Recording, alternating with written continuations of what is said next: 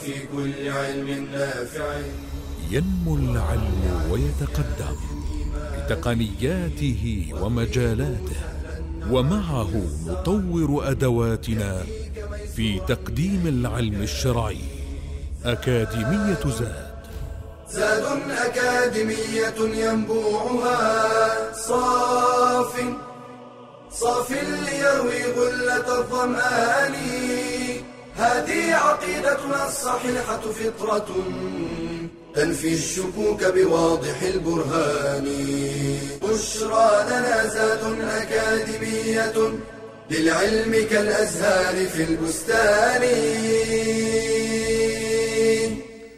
السلام عليكم ورحمة الله وبركاته.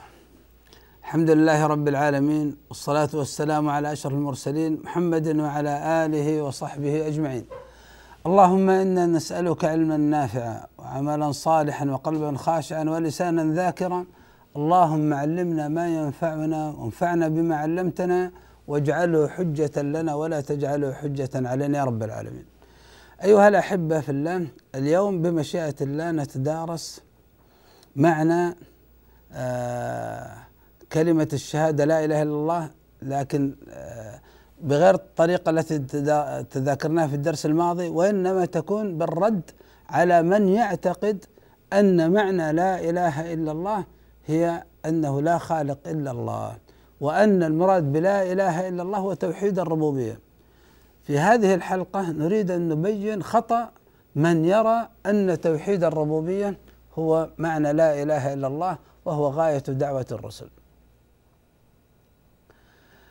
أيها الأحبة في الله هذا الموضوع في غاية الأهمية ونحن بحمد الله قد يعني تدارسناه في عقيدة واحد مررنا عليه لكن لأهميته أيضا نحن في أمس الحاجة للتأكيد عليه هنا في مستوى توحيد الألوهية. أيها الأحبة في الله ما هو السبب الذي يعني أوقع كثير من المسلمين في شركيات تخرج بهم عن ملة الإسلام وهم يرون أنهم في قمة التمسك بالإسلام. السبب أن كثيرا منهم يظن أن معنى لا إله إلا الله هو لا خالق إلا الله فوقع في مثل هذا. سمعت من شخص يقول وهو يعني وهو منفعل. يقول نحن نعظم الله جل جلاله أكثر من تعظيمكم لله أنتم. فقلت له كيف يعني هذا الأمر؟ قال أنتم تعظمون الملوك أكثر من تعظيمكم لله. إذا أراد الواحد منكم أن يدخل على الملك فإنه يأتي بشفعاء. إذا كان هو من عامة الناس فيأتي بشفعاء يشفعون له عند الملك حتى تقضى حاجته. آه، أما يقول إذا أتيتم عند الله لا تأتون بشفعاء. من هو أعظم عندكم الله أم الملوك؟ فإذا كان الله عندكم أعظم من الملوك فكيف تدخلون على الله من غير شفعاء وتدخلون على الملوك بشفعاء؟ فيقول عن نفسه أنه معظم لله وبسبب تعظيمه لله جل جلاله وبسبب تحقيقه كما يظن هو لا إله إلا الله هو يتخذ الشفعاء ليشفعوا له عند الله. فيقول أنه عن نفسه أنه مذنب أنه مقصر أنه غافل أنه كذا وبالتالي إذا أراد أن تغفر ذنوبه وأن تكشف غمومه تفرج كروبه. إذا أراد ذلك وأراد أن يطلب من الله فإنه لا يطلب من الله مباشرة. إنما يذهب للأولياء فيظهر لهم حاجته وفقره وذله وأنه محتاج فيبكي عندهم يتضرع عندهم يذبح لهم ينذر لهم يستعيذ بهم يستغيث بهم. يقول من أجل أن يشفعوا لي عند الله. وأن هذا الفعل محقق ومعظم للا إله إلا الله. انظروا يا إخوان هذا الضلال. مثلوا الله جل جلاله بملوك الدنيا. ملوك الدنيا هل هم يعرفون كل الناس؟ هل هم مطلعين على أحوال الناس؟ هل يعرفون صدقهم من كذبهم؟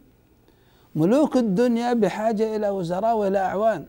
وهؤلاء الأعوان والوزراء يريدون من ملوكهم شيئا. فتقضى لهم حوائجهم يشفعوا لأقاربهم لمن آه، وهو يحتاجهم فلا بد أن يقضي لهم ما يطلبونه من منهم. أما الله جل جلاله المطلع على جميع خلقه سبحانه وتعالى وهو منع حرم الواسطة في العبادة إنما الواسطة بين الله وبين رسله في البلاغ. جبريل والرسول صلى الله عليه وسلم بلغوا لنا هذا الدين. ثم نحن نتعبد لله جل جلاله من غير وسطاء وشفعاء. لا نأتي فنذبح وننذر. والمقصود هنا ما هو السبب في هذا الخلاف الكبير بين هؤلاء وهؤلاء؟ لأن الذين يتوجهون لأصحاب يتوجهون للقبور يعني لأصحابها يتوجهون لهم بالذبح والنذر والاستعاذة والاستغاثة والدعاء ونحو ذلك يفعلون ذلك وهم يظنون أنهم لم ينقضوا لا إله إلا الله وأن لا إله إلا الله سليمه لكونهم لم يعتقدوا في هذا المقبور الخلق الملك الرزق التدبير. فقالوا نحن لا إله إلا الله عندنا سليمه ولم ننقضها ونحن مسلمين وإنما ما نفعله التوسل وتشفع.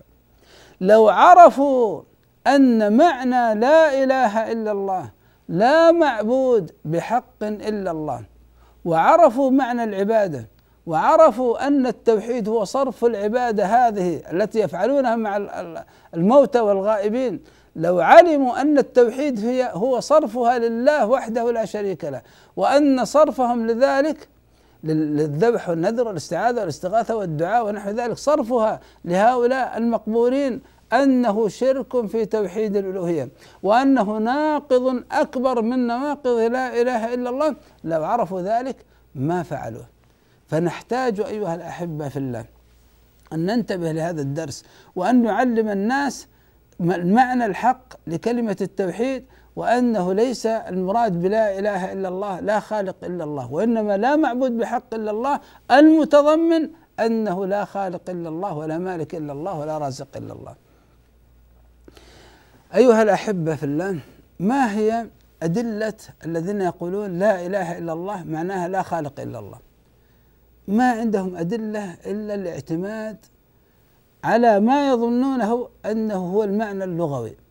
فقالوا إله على وزن فعال بمعنى فاعل.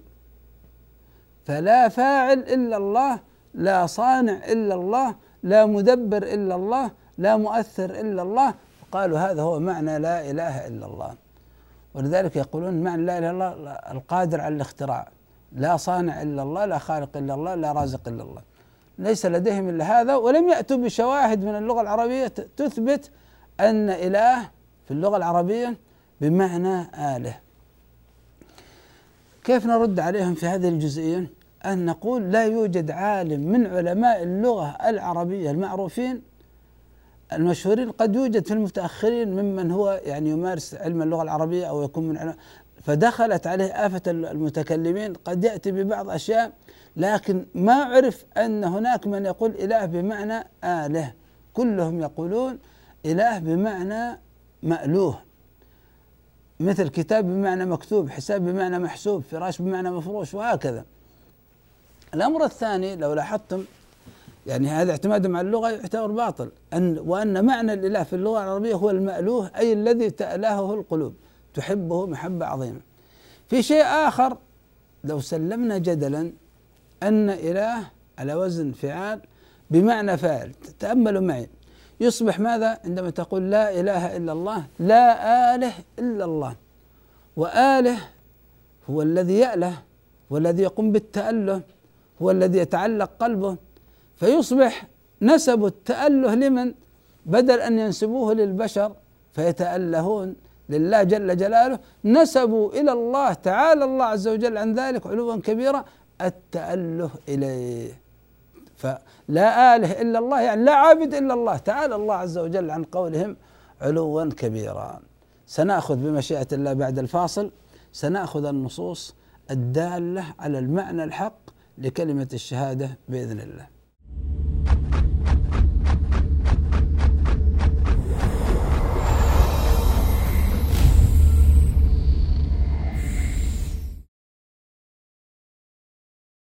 التعليم في الصغر كالنقش على الحجر. إنه كلام صحيح. ولكن ذلك لا يعني حرمان كبار السن من طلب العلم. ولا ييأس كبير السن من التعلم. فإذا علم الله منه حسن النية وفقه لجمع العلم الكثير في الزمن القليل. ولا يستحي كبير السن من الجلوس في حلق العلم مع الصغار. قال مجاهد لا يتعلم العلم مستحي ولا مستكبر. وزامل ابن الجوزي ابنه في تعلم القراءات العشر وهو ابن ثمانين سنة. فانظر إلى هذه الهمة العالية. وقد تعلم أصحاب النبي صلى الله عليه وسلم في كبر سنهم. وكذا كثير من العلماء كابن حزم والكسائي والعز بن عبد السلام. ولان يتعلم المسن خير من أن يستمر على التفريط. سأل مسن أيحسن بمثل أن يتعلم؟ فقيل له لأن تموت طالبا للعلم خير من أن تموت قانعا بالجهل. وليعلم الكبير والصغير أن أبواب العلم مفتحة للراغبين. قال تعالى والذين جاهدوا فينا لنهدينهم سبلنا. وان الله لمع المحسنين.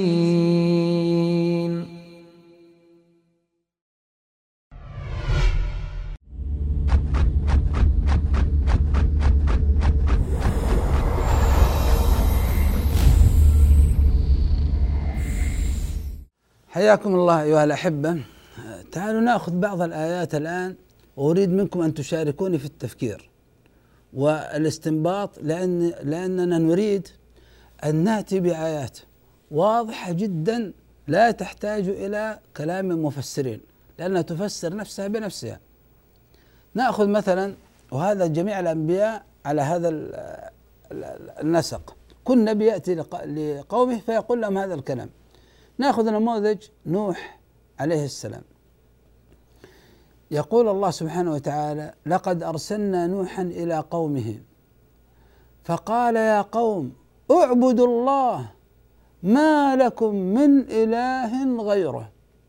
إني أخاف عليكم عذاب يوم عظيم. أريد منكم يا إخوان أن تستخرجوا لي لا إله إلا الله في الآية. اي لا إله إلا الله في هذه الآية؟ يا قوم اعبدوا الله ما لكم من إله غيره. أين لا إله إلا الله؟ ما لكم من إله؟ لا إله. ما لكم من إله؟ لا إله. غيره إلا الله. أين لا إله إلا الله في الآية؟ ما لكم من إله غيره. أين معناها في الآية؟ معناها في الآية أعبدوا الله. لأنه لا معبود يستحق العبادة إلا الله. فصار ما معنى لا إله إلا الله؟ لا معبود مستحق العبادة إلا الله. ما لكم من إله معبود غيره إلا الله لاستحقاقه ذلك. سيقول قائل ها أعطينا أوضح أكثر. تعالوا لقوم نوح أنفسهم. قوم نوح ماذا فهموا من دعوة نوح عندما قال لهم ما لكم من إله غيره. ما لكم من إله لا إله غيره. ماذا فهم قوم نوح؟ فهم قوم نوح أنهم يتركون عبادة كل المعبودات ويتوجهون بالعبادة لله وحده لا شريك له فأنكروا ذلك.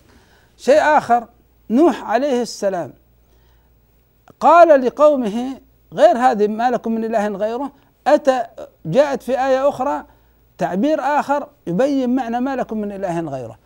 قال الله عز وجل ولقد أرسلنا نوحا إلى قومه أني لكم نذير مبين ألا تعبدوا إلا الله.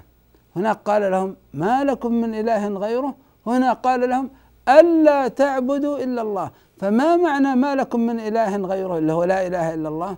ما معناها ألا تعبدوا إلا الله. عبادة الله وحده لا شريك له وترك عبادة كل من سواه. تعالوا الهود عليه السلام. قال يا قوم اعبدوا الله ما لكم من إله غيره. عرفنا مكان لا إله إلا الله ما لكم من إله غيره. أيضا معناها اعبدوا الله. هذه خلاص مكررة. تعالوا لهود قوم هود ماذا قالوا له؟ قالوا له عندما قال لهم ما لكم من إله غيره قالوا له أجئتنا لنعبد الله وحده ونذر ما كان يعبد آباؤنا. هذا واضح يا إخوان. ماذا فهموا معنى لا إله إلا الله؟ قوم هود.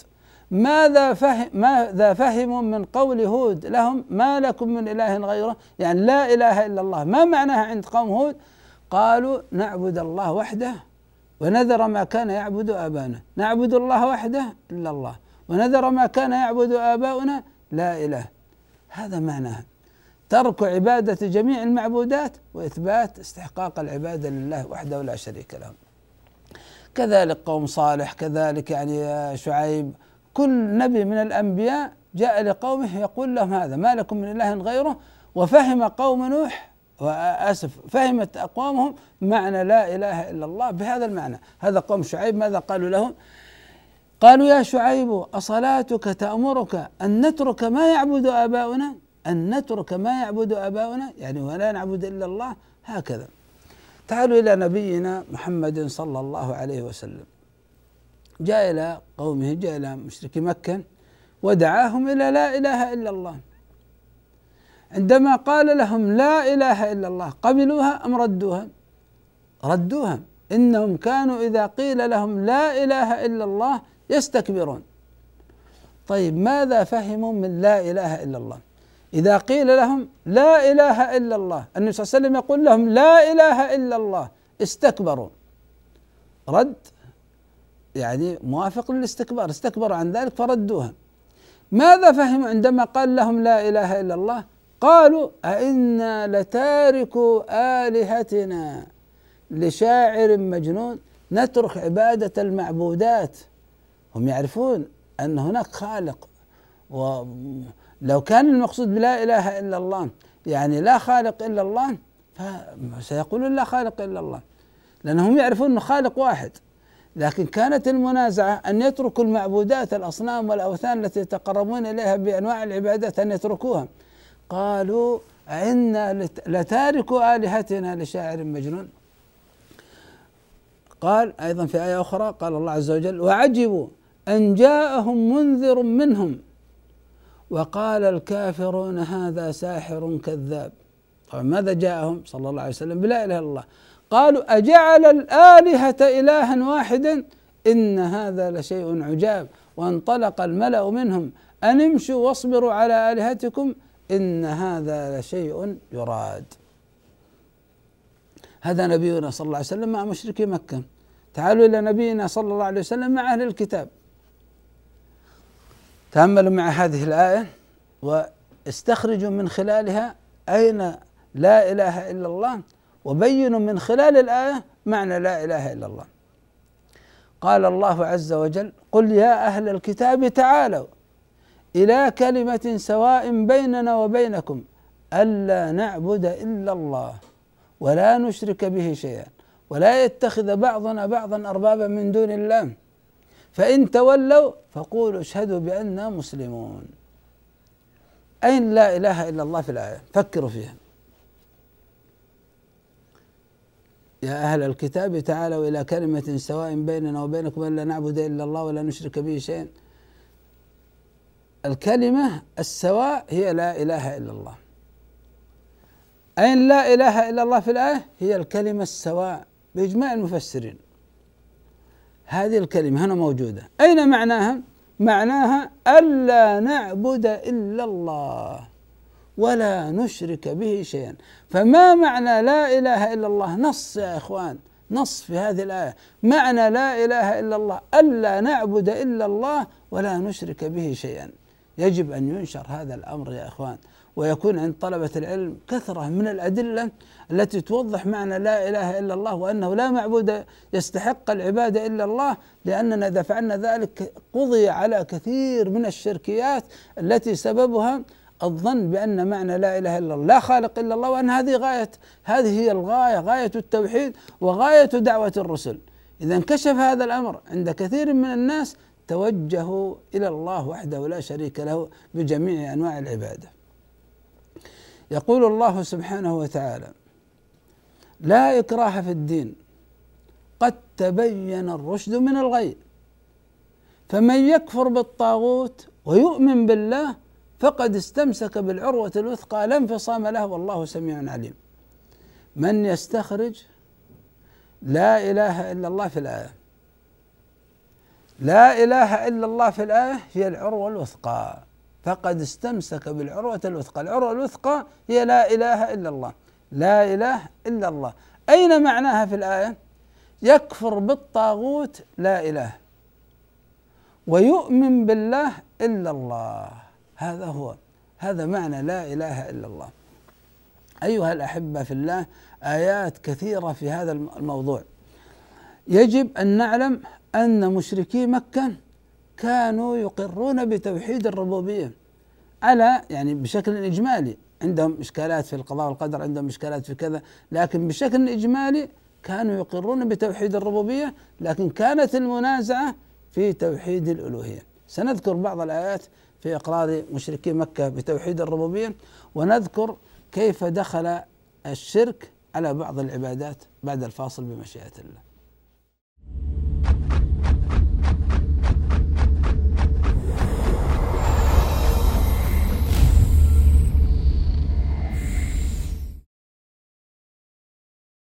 اقرأ. إنها أول كلمة نزلت من القرآن الكريم على قلب النبي الأمين صلى الله عليه وسلم. إن الأمم القارئة هي الأمم القائدة لأن القراءة والمعرفة تطرد الجهل والتخلف والخرافة وقد بلغ حب العلماء للقراءة مبلغا عظيما. قيل لأحدهم عند موته ما تشتهي؟ قال النظرة في حواشي الكتب.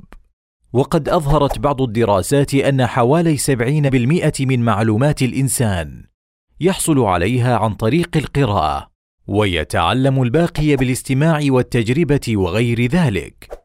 ولكي تكون قراءتك واعية فابدأ بالمرحلة التأسيسية حيث تنتقي كتب أهل السنة التي تضمن بها سلامة العقيدة.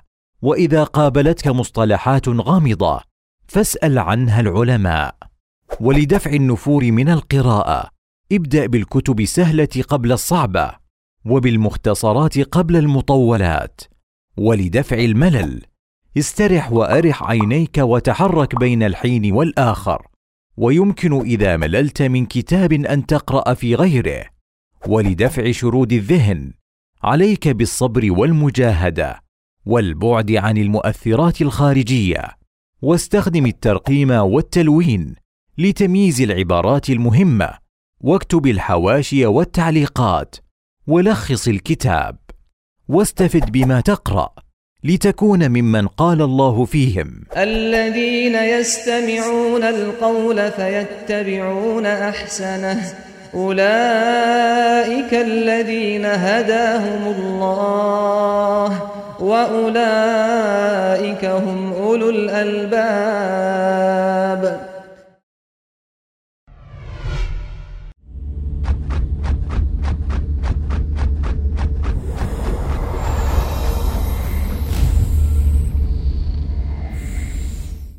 أيها الأحبة في الله آه نقول كان مشركو مكة يقرون بتوحيد الربوبية في الجملة. على بعض المنازعات يعني على بعض الملحوظات في ذلك. ناخذ بعض الأدلة التي تدل على أن مشركي مكة كانوا يقرون بتوحيد الربوبية. قال الله عز وجل قل من يرزقكم من السماء والأرض أمن يملك السمع والأبصار ومن يخرج الحي من الميت ويخرج الميت من الحي ومن يدبر الأمر فسيقولون الله. قال الله عز وجل قل فقل أفلا تتقون؟ أفلا تتقون؟ يعني أنتم تعلمون أن الله هو المنفرد بالرزق وهو المنفرد بالملك يملك السمع والأبصار وهو المنفرد بالتدبير يخرج الحي من الميت ويخرج الميت من الحي ويدبر الأمر. تعلمون ذلك أن الله هو المنفرد بالرزق والملك والتدبير. طيب ألا تتقون الله سبحانه وتعالى؟ فلما تشركون مع الله غيره في العبادة؟ هذا هو المنكر عليهم. هذا هو المنكر عليهم. قال الله عز وجل ولئن سألتهم من خلق السماوات والأرض ليقولن الله. يعتقدون أن الله هو المنفرد بالخلق. قال الله عز وجل قل من بيده ملكوت كل شيء وهو يجير ولا يجار عليه. إن كنتم تعلمون سيقولون لله. والآيات كثيرة في هذا الباب. تعالوا نأخذ هذه القصة يا إخوان في وفاة أبي طالب ونتأمل فيها. وهي خير دليل لمن؟ يعني الله سبحانه وتعالى شرح صدره ووفقه لمعرفة الحق. النبي صلى الله عليه وسلم جاء إلى عمه في مرض وفاته. وكان عنده أبو جهل وعبد الله بن أبي أمية. والحديث في مسلم كما تعلمون. جاء النبي صلى الله عليه وسلم فقال يا عم قل لا إله إلا الله كلمة أشهد لك بها عند الله. يا عم قل لا إله إلا الله. هنا عندنا لا إله إلا الله. تعالوا ننظر ماذا فهم أبو طالب ماذا فهم أبو جهل ماذا فهم عبد الله بن أبي أمية ماذا فهموا من معنى لا إله إلا الله. قال أبو جهل يا أبا طالب أترغب عن ملة عبد المطلب؟ لا إله إلا الله معناه تترك ما ك... ملة عبد المطلب. طيب ملة عبد المطلب ولئن سألتم من خلق السماوات والأرض ليقولن الله. فلو كان لا إله إلا الله لا خالق إلا الله فهي متوافقة مع ملة عبد المطلب. متوافقة تماما. لكن معنى لا إله إلا الله ترك أجعل الآلهة إلها واحدا فهموا أن نجعل المعبودات معبود واحد. اذا المنازعة في المعبودات أن نترك هذه المعبودات التي كان يعبدها آباؤنا. فهنا قالوا له تترك المعبودات أبيك. معناها أن أباك كان جاهلا كان كذا كان لا يعرف تترك المعبود. فأتوا له من باب العاطفة. يا أبا طالب أترغب عن ملة عبد المطلب؟ فعاد النبي صلى الله عليه وسلم عليه فعاد عليه حتى قال أبو طالب آخر ما كلمه هو على ملة عبد المطلب وأبى أن يقول لا إله إلا الله. فلو كانت لا إله إلا الله معناها لا خالق إلا الله لا رازق إلا الله لا مدبر إلا الله لقالها أبو طالب. ولكنهم فهموا أن معنى لا إله إلا الله ترك عبادة كل من سوى الله. تعالوا نتأمل أيضا سيرة النبي صلى الله عليه وسلم. مع يعني أقوامه ماذا كان يصنع؟ وكانت الغزوات تقام والمعارك تقام والعداوات بين النبي صلى الله عليه وسلم وبين قومه وبين الناس المشركين تقام. ما سببها؟ تأملوا هذا الحديث معي. قال صلى الله عليه وسلم أمرت أمرت أن أقاتل الناس حتى يقولوا لا إله إلا الله. فإذا قالوها عصموا مني دماءهم وأموالهم إلا بحقها وحسابهم على الله. أمرت أن أقاتل الناس حتى يقولوا لا إله إلا الله. تأملوا هذا النص. في حديث آخر يقول صلى الله عليه وسلم بعثت بالسيف بين يدي الساعة حتى يعبد الله وحده حتى يعبد الله وحده لا شريك له. بعثت بين يدي الساعة بالسيف حتى يعبد الله وحده لا شريك له. طيب. أمرت أن أقاتل الناس حتى يقولوا. يقابل هناك بعثت بين يدي الساعة بالسيف حتى إلى حتى هذه مع بعض متشابهة تماما. هذه مشتركة. إذا المهمة التي بعث النبي صلى الله عليه وسلم بها واحدة. هنا قال يقول لا إله إلا الله. وهناك قال يعبد الله وحده لا شريك له. يعبد الله وحده لا شريك له يقول لا إله إلا الله. فما معنى لا إله إلا الله من خلال هذين الحديثين؟ طبق بينهما. لا إله إلا الله يعبد الله وحده لا شريك له. فمعنى لا إله إلا الله هي عبادة الله وحده لا شريك له وترك عبادة كل من سواه. وهذه هي كانت دعوة هذه هي كانت دعوة النبي صلى الله عليه وسلم. أيها الأحبة في الله هذا الخلاف في معنى لا إله إلا الله والظن أن معنى لا إله إلا الله هو لا خالق إلا الله هو الذي أوقع كثير من الناس في الانحرافات الشركية.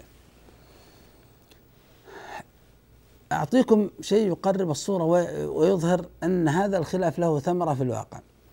لو جاءوا آه، جيء إلى قبر جاء شخص إلى قبر ثم قال هذا الشخص أنا لا أعتقد في هذا المقبور أنه خالق مالك رازق مدبر. لا أعتقد فيه ذلك. وأنا أقول لا إله إلا الله يعني لا خالق إلا الله. ولا أعتقد في هذا المقبور أنه يخلق أو يملك أو يرزق أو يدبر. فقط أعتقد فيه أنه ولي من أولياء الله وله جاه ومكان عند الله. يقول فإذا أنا توجهت إليه بالذبح والنذر والاستعاذة ولا أعتقد فيه أنه خالق مالك أنا أريد فقط أن أتقرب إليه ليقربني إلى الله. فقط يقول هذا. انظروا هذه هي المشكلة الكبرى. ظن أن هذا الذبح وهذا الذبح ما نوعه؟ إراقة دماء سيأتي تفصيل هذا الأمر إن شاء الله في الحلقة القادمة. هو يريق الدم لهذا المقبور. والمقبور هذا لن يأكل اللحم. إذا هو هذه نوع من أنواع التعبد. هو يتعبد يتعبد لهؤلاء الموتى يتعبد لهؤلاء الغائبين يتعبد لهم ويظن أن هذه العبادة لا تنقض لا إله إلا الله. لكون لا إله إلا الله معناها عنده لا خالق إلا الله لا مالك إلا الله لا رازق إلا الله لا مدبر إلا الله وظن أنه يعيش في التوحيد الحقيقي. أيها الأحبة في الله نحن بأمس الحاجة إلى يعني أن يكون لدينا أدلة كثيرة في معنى توحيد الألوهية لننشر ذلك بين الناس. في اللقاء القادم بمشيئة الله سنتحدث عن معنى العبادة لأنه أيضا هناك خلل في تعريف العبادة. وتوحيد الألوهية إفراد الله بالعبادة. فلما اختلط مفهوم العبادة عند كثير من الناس ظنوا أن ما يقومون به من أقوال وأفعال تعبدية ظنوا أنها ليست عبادة لأن ليس لديهم تحرير للعبادة. بني على ذلك أنه ليس لديهم تحرير لتوحيد الألوهية بني على ذلك أنه ليس لديهم معرفة بالشرك. فيصرفوا عبادات هي محض حق لله يصرفونها للمخلوقين ينقضون لا يحققون توحيد الألوهية بل يشركون في توحيد الألوهية. ينقضون لا إله إلا الله وهم يظنون أنهم يحققون لا إله إلا الله. واجب على طلاب العلم أن يتقنوا هذا الأمر وأن ينشروه بين الناس. أسأل الله سبحانه وتعالى بأسمائه الحسنى وصفاته العلى أن يغفر ذنوبنا وأن يستر عيوبنا وأن يتجاوز عن خطيئاتنا وأن يملأ قلوبنا بالتوحيد الخالص وصلى الله وسلم وبارك على عبده ورسوله محمد وجزاكم الله خيرا. يا راغبا في كل علم نافع متطلعا لزيادة الإيمان وتريد سهلا النوال ميسرا يأتيك ميسورا بأي مكان زاد زاد أكاديمية ينبوعها. صاف صاف ليروي غلة الظمآن. هذه عقيدتنا الصحيحة فطرة تنفي الشكوك بواضح البرهان. بشرى لنا زاد أكاديمية للعلم كالأزهار في البستان.